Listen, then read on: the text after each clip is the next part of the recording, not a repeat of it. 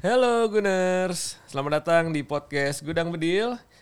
Kenalin, gue Arya, admin dari Gudang Bedil dan seorang Guners garis santai. Di sini gue ditemani oleh Rafli.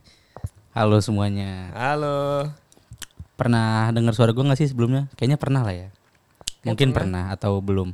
Di dalam mimpi mungkin samar-samar Gue ini seorang Gunners. Dulu pernah mengisi podcast Arsenal-Arsenalan juga. Oh, iya iya iya. Nah, terus sempat free transfer sebelum akhirnya direkrut sama Gudang Bedil. Oke, ini rekrutan eh, ternama kami yang pertama ini. Saudara Rafli. Yo, Oke. Ini pasti teman-teman yang sudah apa ya, udah familiar dengan perpodcastan Arsenal atau bola mungkin sudah pernah mendengar nama seorang Rafli ya. Yoi, kalau di sosmed gue bisa dikenal dengan Cambrafli. Oke. Nah, jadi kita nih di pembukaan Gudang Bedil nih episode 0 ya. Kita berada di episode 0 perkenalan. Jadi kita ingin menjelaskan apa sih podcast Gudang Bedil itu.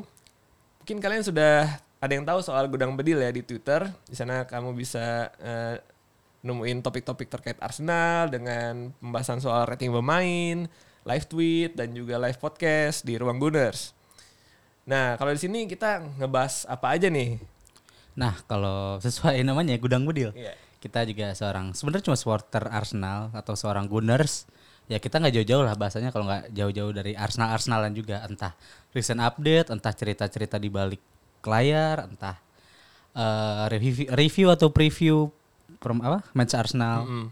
Kayaknya nggak jauh-jauh dari itu. Kurang lebih begitu mungkin ya. Iya, kurang lebih begitu dan kita juga rencananya pengen mengundang bintang tamu-bintang tamu yang juga Gunners gitu ya, yang bisa menjadi panutan kita semua gitu ya. Iya, nggak cuma Gunners kayaknya, mungkin yang non Gunners juga akan kita undang. Yoi. Dan kita juga ingin mencoba menyuarakan suara komunitas. Iya, suara-suara komunitas. Jadi buat seluruh nggak cuma AIS ya, seluruh komunitas penggemar Arsenal yang ada di Indonesia, mau baik Gunners, mau Arsenal Indonesia supporter, siapa pun kalian bisa menyuarakan unek-unek kalian di sini. Nanti untuk teknisnya akan diumumkan di sosial medianya Gudang Bedil. Yoi. Nah, dan kita juga eh, rencananya bakal terbit di setiap hari Rabu. Yo, kenapa tuh setiap hari Rabu? Karena ada eh, ini ya, eh, kita rekaman dulu. Iya. Entah itu hari Minggu atau Senin. Kalau sekarang kita di hari Minggu ya. Iya. Kebetulan karena eh, Arsenal nggak ada match nih di weekend. Karena nggak ada ya. match. Jadi Tadi rencananya tuh kita mau rekaman Senin kan. Senin. Tunggu dulu nih Arsenal Spurs ditunda nggak ya? Iya. Ditunda nggak ya? Setelah semalam pengumuman resmi ditunda, akhirnya kita memutuskan untuk rekaman di hari Minggu ini. Iya, hari Minggu. Nah, kenapa Rabu? Mungkin bis- biar kita ngedit-ngeditnya ada waktu juga. Iya, dan juga kita nggak ingin eh, bersaing dengan podcast-podcast yang sudah ada. Nah, itu dia. Bahaya. Iya, seperti Retropus kan naik Senin, terus ada box to box bola tuh antara Senin atau Selasa. Iya. Terus tapi Rabu tuh gue umpan tarik naik atau Kamis antara Rabu atau Kamis. Tapi, kan itu udah beda be- segmen. Iya, liganya beda lagi. Udah liga beda. Iya, betul.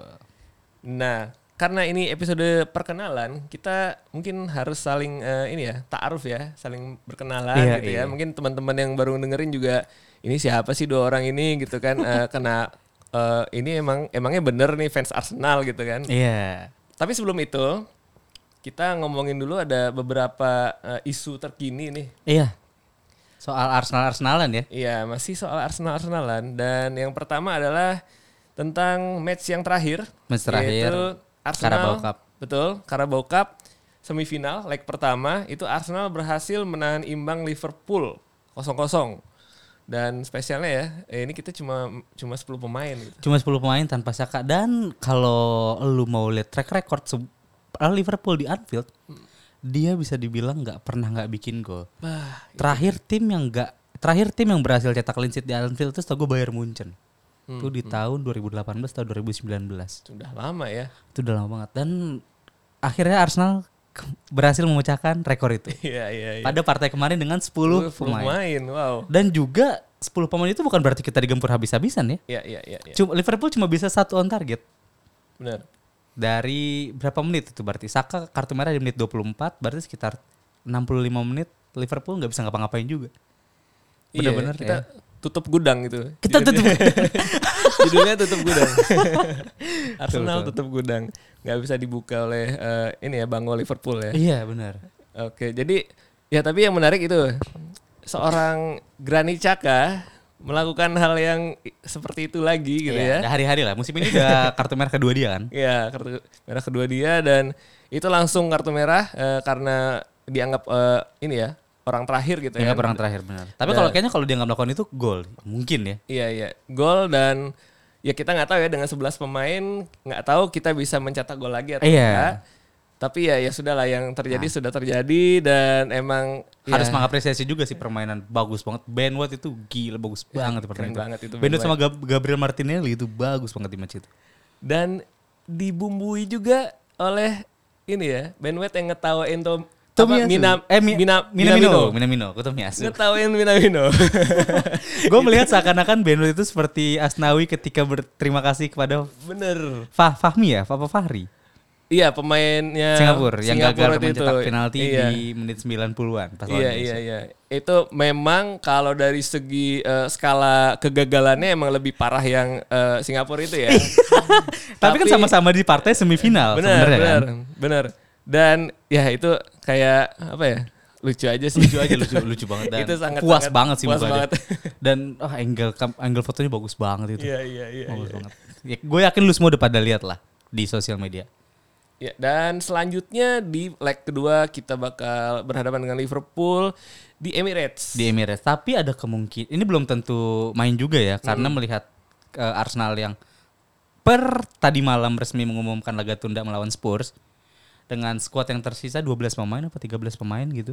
Ya 13 Ah. kalau nggak salah ya. Nah, 13 pemain jadi Arsenal itu eh itu nggak termasuk hitungan kiper ya Henderson dan Leno. Eh Henderson. Kok Henderson ini? Eh, Ramsdale. Ramsdale dan Leno. Ramsdale dan Iya. Leno. Eh, jadi ada kemungkinan pelaga melawan Liverpool di Emirates leg kedua akan ditunda kembali. Oh, oke oke. Ini bakal heboh lagi Bakal nih heboh lagi. Soalnya ya hmm, ini kita apa ya? Ini mungkin sudah terjadi setelah eh, podcast ini keluar ya. Iya. Karena di ruang Gunners hari Minggu ya nanti malam atau sudah terjadi ya hari Minggu kemarin. Ini kita bakal ngomongin soal ini penundaan ini dan eh, Iya, iya. gimana sih kontroversi peraturannya yang nggak jelas dari Premier League gitu kan? Iya, iya dari Premier League dan FA-nya. Sehingga malah fansnya yang jadi saling- Tusuk-tusukan, saling tunjuk-tunjuk. Jadi. Nah. Padahal ini gara-gara salah satu faktor terbesarnya ya gara-gara jelas aturannya. Aturan yang nggak jelas gitu. Mm-mm. Nah itu tadi ya eh, match NLD North London Derby ditunda karena minimnya jumlah skuad Arsenal. Ya, yang tadi udah dibilang cuma 12 pemain setahu gue yang tersedia di luar kiper. Mhm. Di luar kiper. Jadi kan itu nggak memenuhi syarat buat bertanding sebenarnya. Kalau dilihat juga laga MU semalam tuh lawan Aston Villa. Eh, MU bawa dua kiper cadangan. Eh, MU bawa dua kiper di, Di bangku benchnya, cadangan, di bangku iya. cadangannya. Ada Tom Hinton dan Henderson. Henderson. Itu tadi kita ngomongin Henderson soalnya Iya. ya. Jadi tadi sebutnya Ramsdale Iya. jadi Henderson. Kalau iya iya betul betul. Ya. Nah, kan tadi kalau dibilang tak kenal maka tak harus. Sekarang kita masuk ke perkenalan. Baiklah. Dimulai dari Bang Arya dulu nih. Bang Arya gimana nih Bang Arya soal Arsenal Arsenal ini udah dari tahun kapan, Bang? Kalau yang gue inget ya, itu gue pertama kali sadar nonton Arsenal, sadar kayak em, itu pas Arsenal lawan Galatasaray di final dulu namanya UEFA Cup, Oh, eh, final bukan UEFA Cup itu. Eh, apa namanya ya? Europe Europa League zaman dulu. Iya iya Europa League zaman dulu. Nah itu di final dan Arsenal kalah penalti.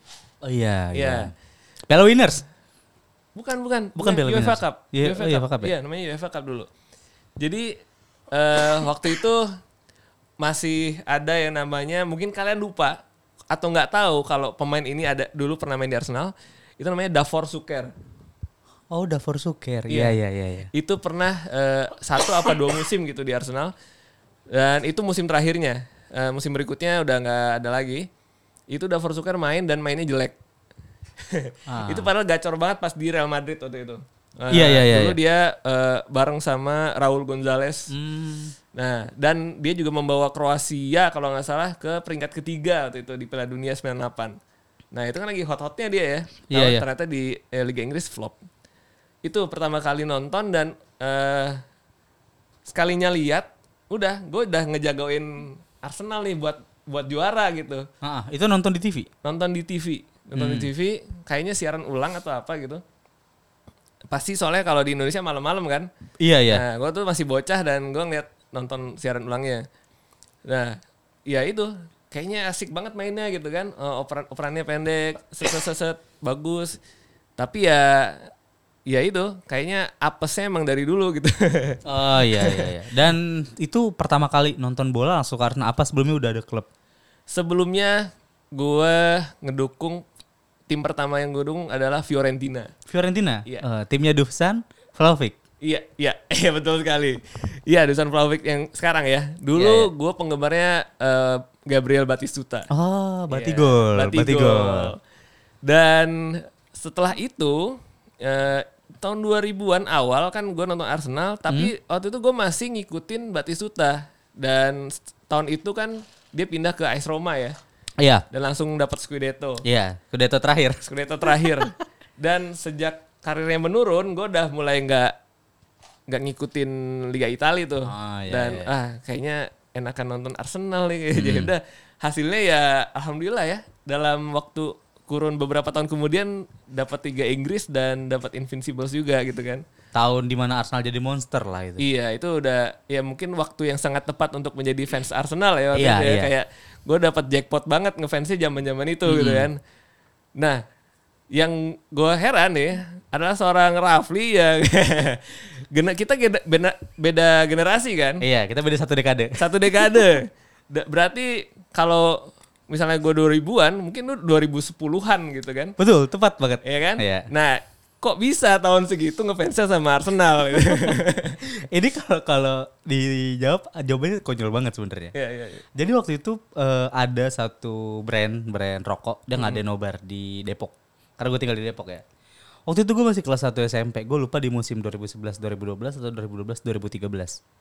Tapi yang gue inget tuh baju away-nya itu yang biru setengah gitu. Hmm, Nah, yang Henry balik.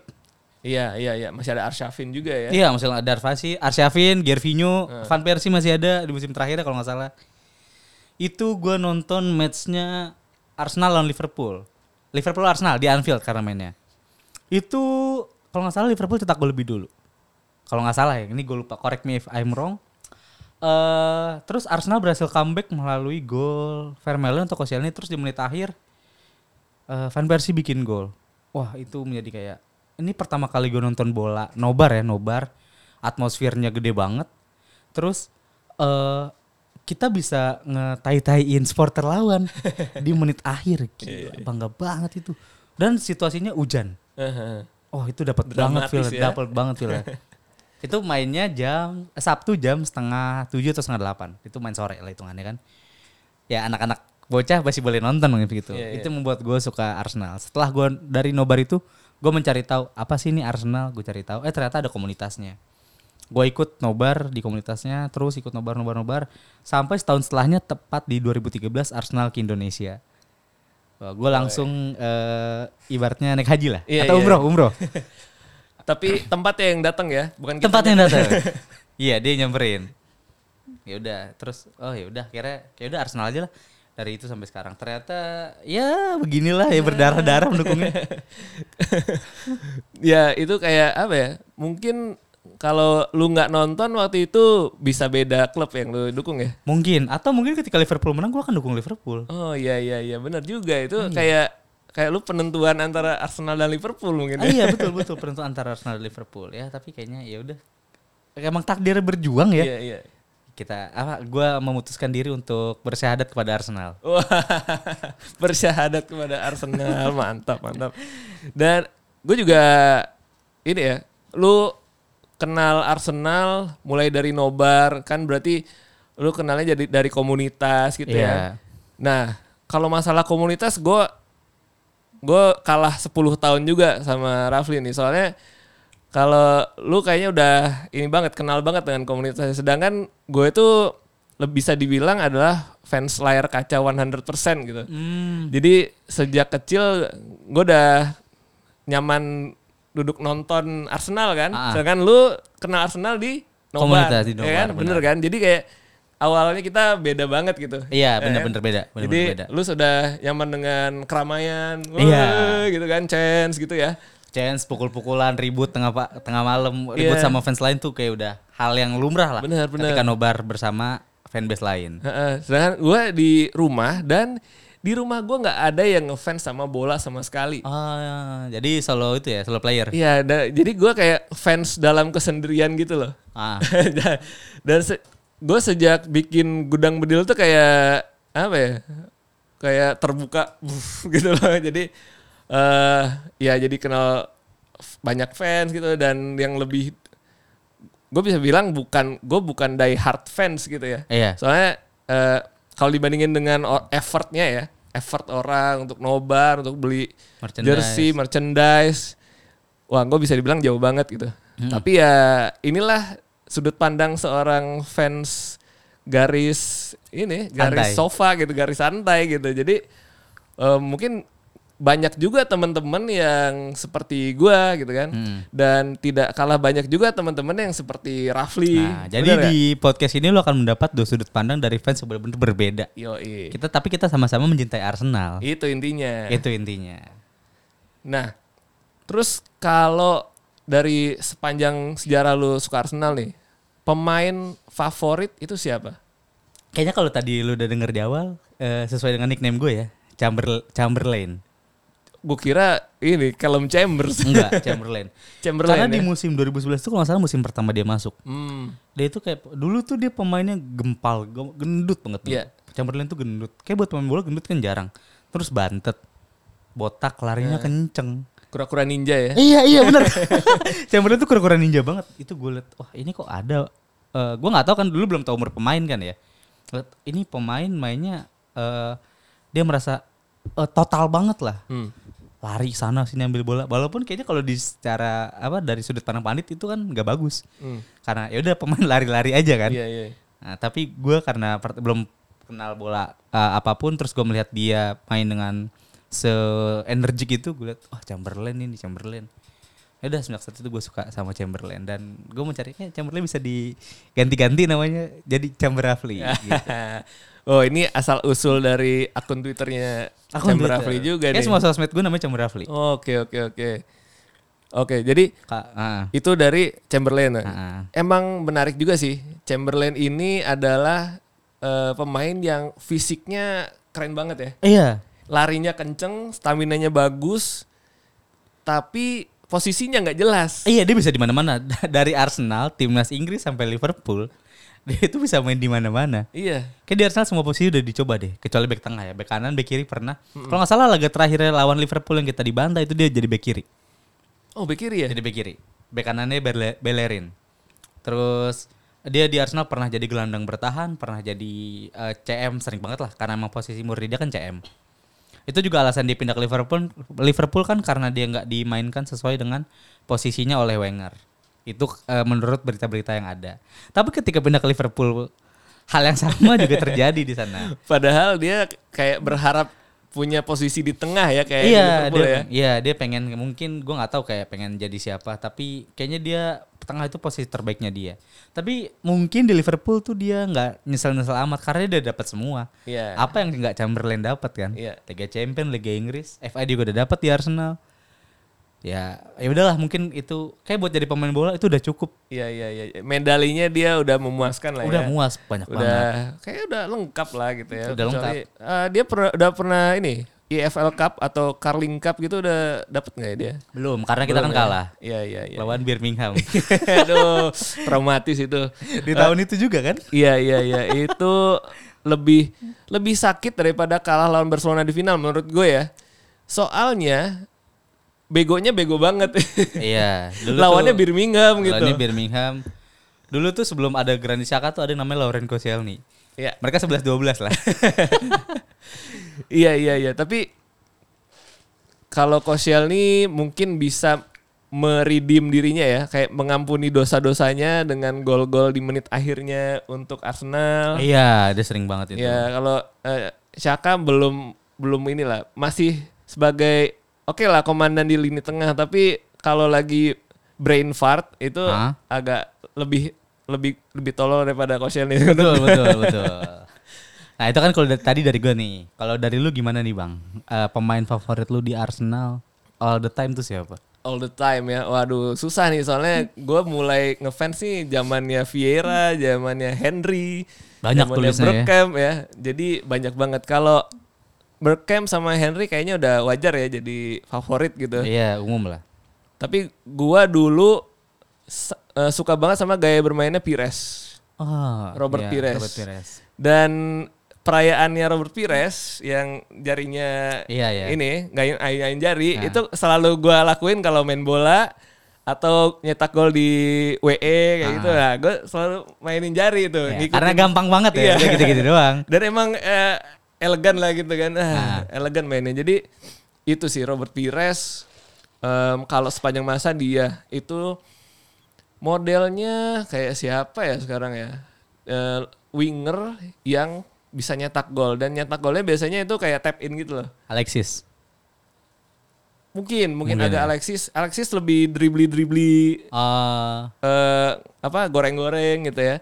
Tapi kalau Pires bisa lebih eh, ini lebih direct gitu. oh ya. Dan u- dia juga umpan dia adalah menjadi umpan dari salah satu gol terbaik Liga Inggris sepanjang masa. I see yang, mau Bergam. Berkam itu kan. Gila itu. Yoi. Itu ya kita sepakat lah itu gol.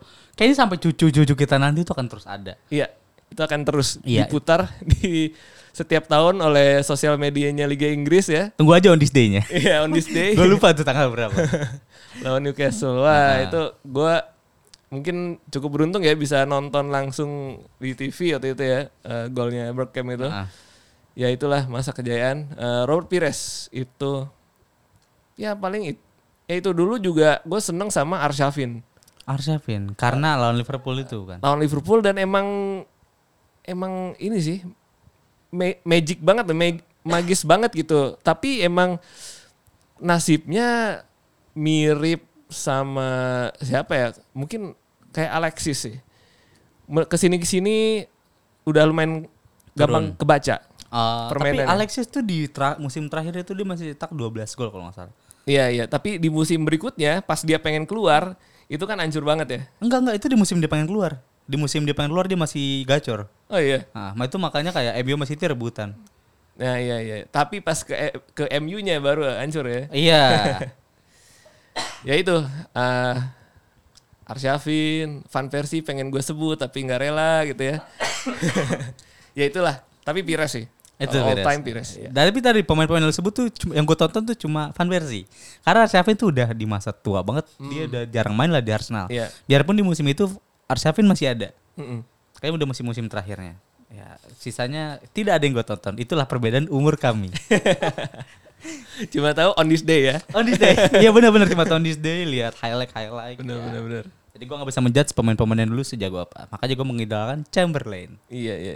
Tapi ya itu tidak membuat seseorang lebih eh, fans sejati daripada orang lain Iya, dengan itu. karena emang mau diapain gitu kan. Lu emang lahirnya lebih lebih telat daripada gue ya mau diapain lagi gitu kan. Tidak membuat seseorang menjadi fans yang lebih hebat gitu. Betul betul betul. Nah, tadi udah yang favorit nih, berarti kita kan ngomongnya happy-happy ya. Iya. Sekarang ya agak ngenes-ngenes gitu. Eh, momen terburuk lu sebagai fans, kira-kira apa? Momen terburuk gue sebagai fans itu ketika uh, Arsenal musim 2015 atau 2016. Gue lupa kita di bawahnya Leicester City. Yang peringkat dua ya? Peringkat dua itu musim di mana kayaknya semua tim lagi kompak. Eh mungkin biarin Arsenal juara. Tapi Arsenal tidak Arsenal setuju. Tidak setuju. Kayak Arsenal. Eh biarkan Arsenal juara. Eh gue mau ikutan dong. Gue juga nggak mau juara. ya akhirnya Leicester yang jadi juara. Tapi gimana ya? Eh itu kita nggak bisa dibilang nggak ada satupun match yang buruk. Kita bisa menang lawan siapa pun di musim itu kan. Lawan Leicester home away.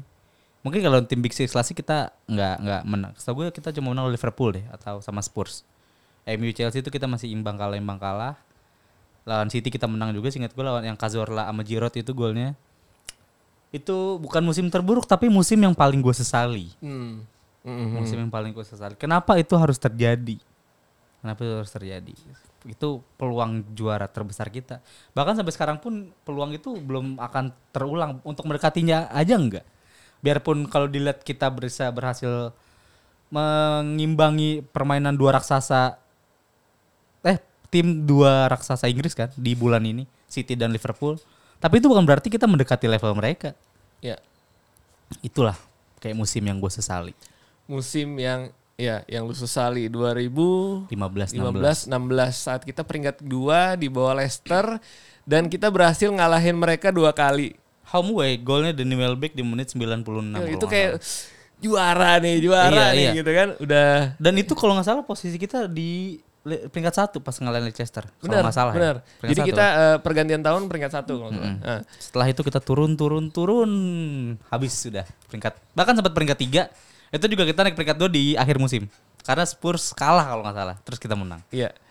Dan sebenarnya yang seperti itu sudah tidak asing lagi untuk penggemar yang lebih eh, ini ya, lebih lawas ya. Soalnya di tahun berapa ya? eh, ketika pemain Arsenal itu patah kaki siapa namanya namanya em, ah Eduardo da Silva.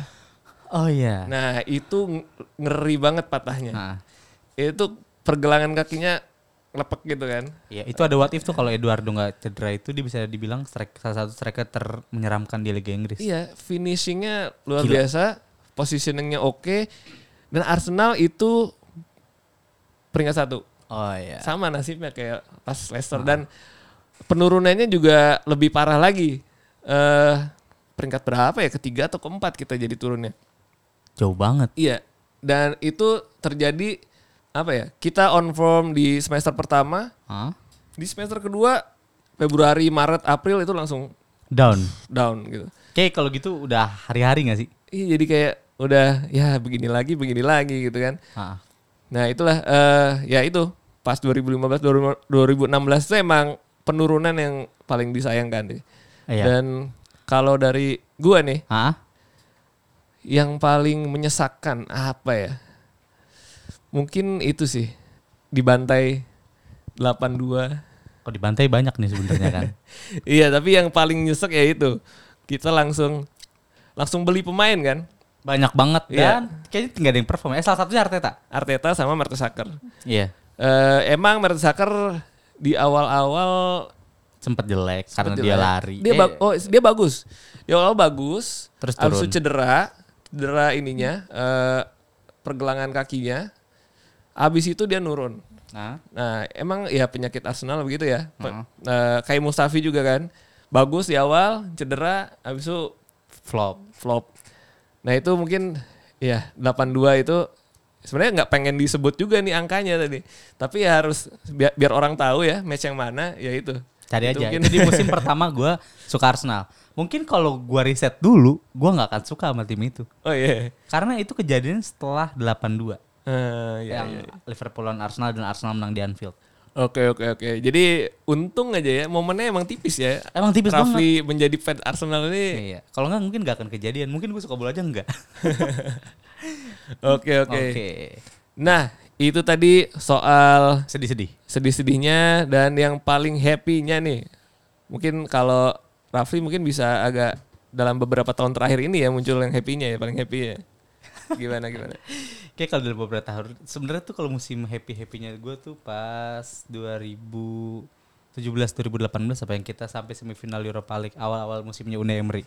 Mm, mm. Itu kan back kita gila banget itu si apa? Gue lupa Mustafi sama Sokratis. Sokratis siapa sama Koscielny gitu gue lupa. Hmm. Yang dia beberapa pertandingan nggak nggak kebobolan bahkan. Sama kayak Gabriel Holding dan eh Gabriel White sama Tomiyasu pas awal-awal. Hmm. Itu ki- kita nggak terkalahkan, sempat di tim tiga besar atau empat besar juga. Itu di awal musim itu Arsenal ke Singapura. Itu abis beli-beli pemain lah, abis beli Guendouzi, Torreira, siapa lagi tuh? Banyak lah gue lupa. Mm. Tuh gua eh, untuk kedua kalinya umroh. Sekarang ke Singapura ya? Tapi sekarang ke Singapura, sama-sama nyamperin. Ketemu Iya, di iya, tengah. iya. Padahal nggak tengah-tengah amat ya. Iya. Ya gitu. Eh itu musim kalau dibilang die hard fans sih enggak, tapi Kalau lu ngajak gua nonton Arsenal, gua ayoin, pasti gua ayoin. Gitu sih kalau soal seberapa kalau lu nanya soal seberapa senangnya gue sama Arsenal, seberapa loyalnya gue sama Arsenal. Merchandise merchandise sih sedikit gue ngoleksinya juga cuma jersey doang, Gunnersaurus doang, sial doang, bendera doang, udah itu doang sih sebenarnya. kalau lu gimana nih bang? Kalau gua mungkin Invincibles itu sudah biasa ya. Dan itu gue masih kecil kan, jadi nggak oh, nggak waktu itu gue nggak ngerasain tahu betapa ya. spesialnya itu Itu. nah, achievement itu dan tapi menurut gue yang paling spesial itu ketika Arsenal berhasil eh, mendapatkan gelar kembali setelah bertahun-tahun lamanya Oh iya 2003, Iya. gue lupa itu. itu ketika kita em, FA Cup ya lawan FA Cup. Hull City Hull City bener-bener. itu comebacknya keren banget itu juga gue itu momen favorit iya itu gue ah itu paling mengharukan lah itu Eh, kita menang 3-2 ya Iya. Eh, kebobolan dua gol di 10 menit awal. 10 menit awal ya Tuhan Abis itu Cazorla Free kick. me- memberikan harapan ya dengan free kicknya yang keren banget Menit 15 ingat gue. lalu di babak kedua di menit 70 apa 80 ya Iya. Koscielny ya Kosnya tempat saya gue lupa antara dua itu. Koscielny eh, dia muter badan Mm-mm. abis itu kipernya kenain ke kaki Koscielny Hmm. jadi teman-temannya ngerayain dianya kesakitan Iya. ya Iya, itu iya, itu iya bener Kosel Ya, nih. dua sama akhirnya extra time Yaya Sanogo masuk Wilshere masuk dan Yaya Sanogo tuh bagus sih mainnya menurut gua Iya, karena itu musim itu kalau nggak salah musim dia juara Piala Dunia deh. iya ya Piala Dunia Under 20 bareng Pogba dan kawan-kawan, makanya dibeli Arsenal. Itu dia juga sempat bisa dibilang oke lah buat pemain-pemain super sub.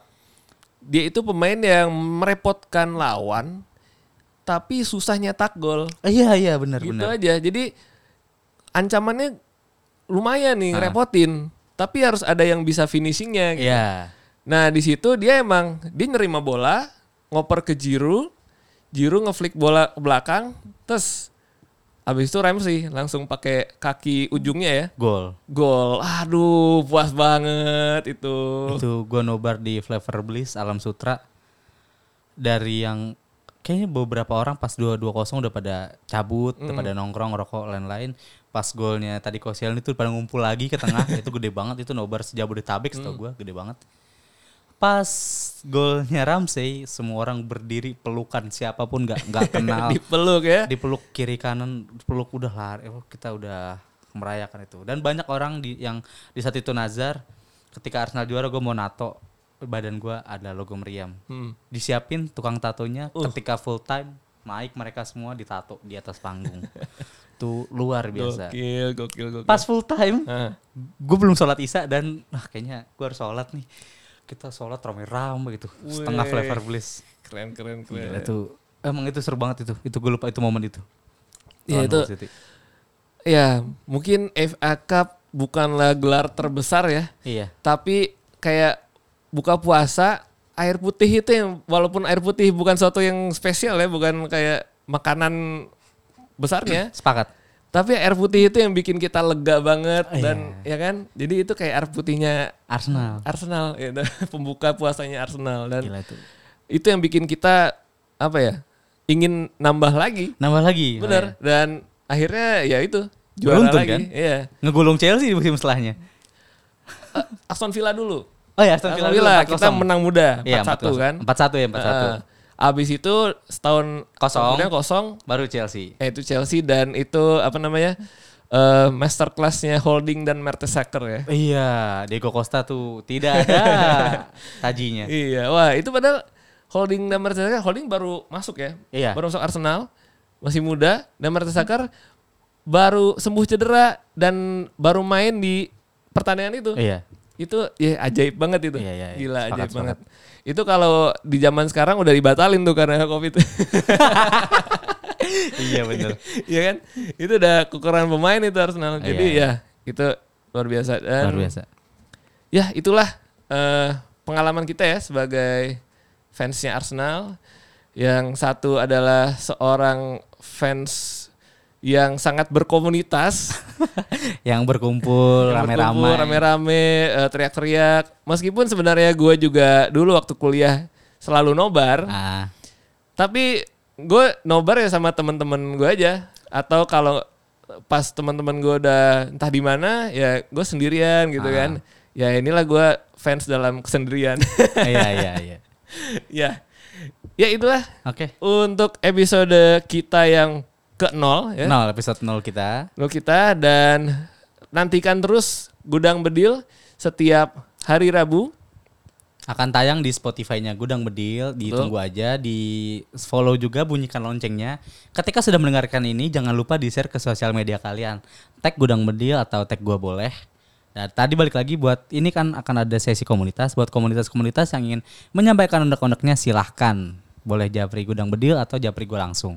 Betul. Nanti akan kita kasih tahu teknisnya gimana. Iya, jadi bisa langsung aja eh, di follow eh, at Gudang Bedil di Twitter atau at Chamber Rafli ya, R-nya satu ya. Iya, Ecam Berafle R-nya satu. Oke, terima kasih buat kalian semua sudah dengerin. Eh sejauh ini eh gua Chamber Rafli pamit. Dan gua Arya pamit. Sampai jumpa di Gudang Bedil Podcast episode berikutnya. Bye-bye. Bye bye.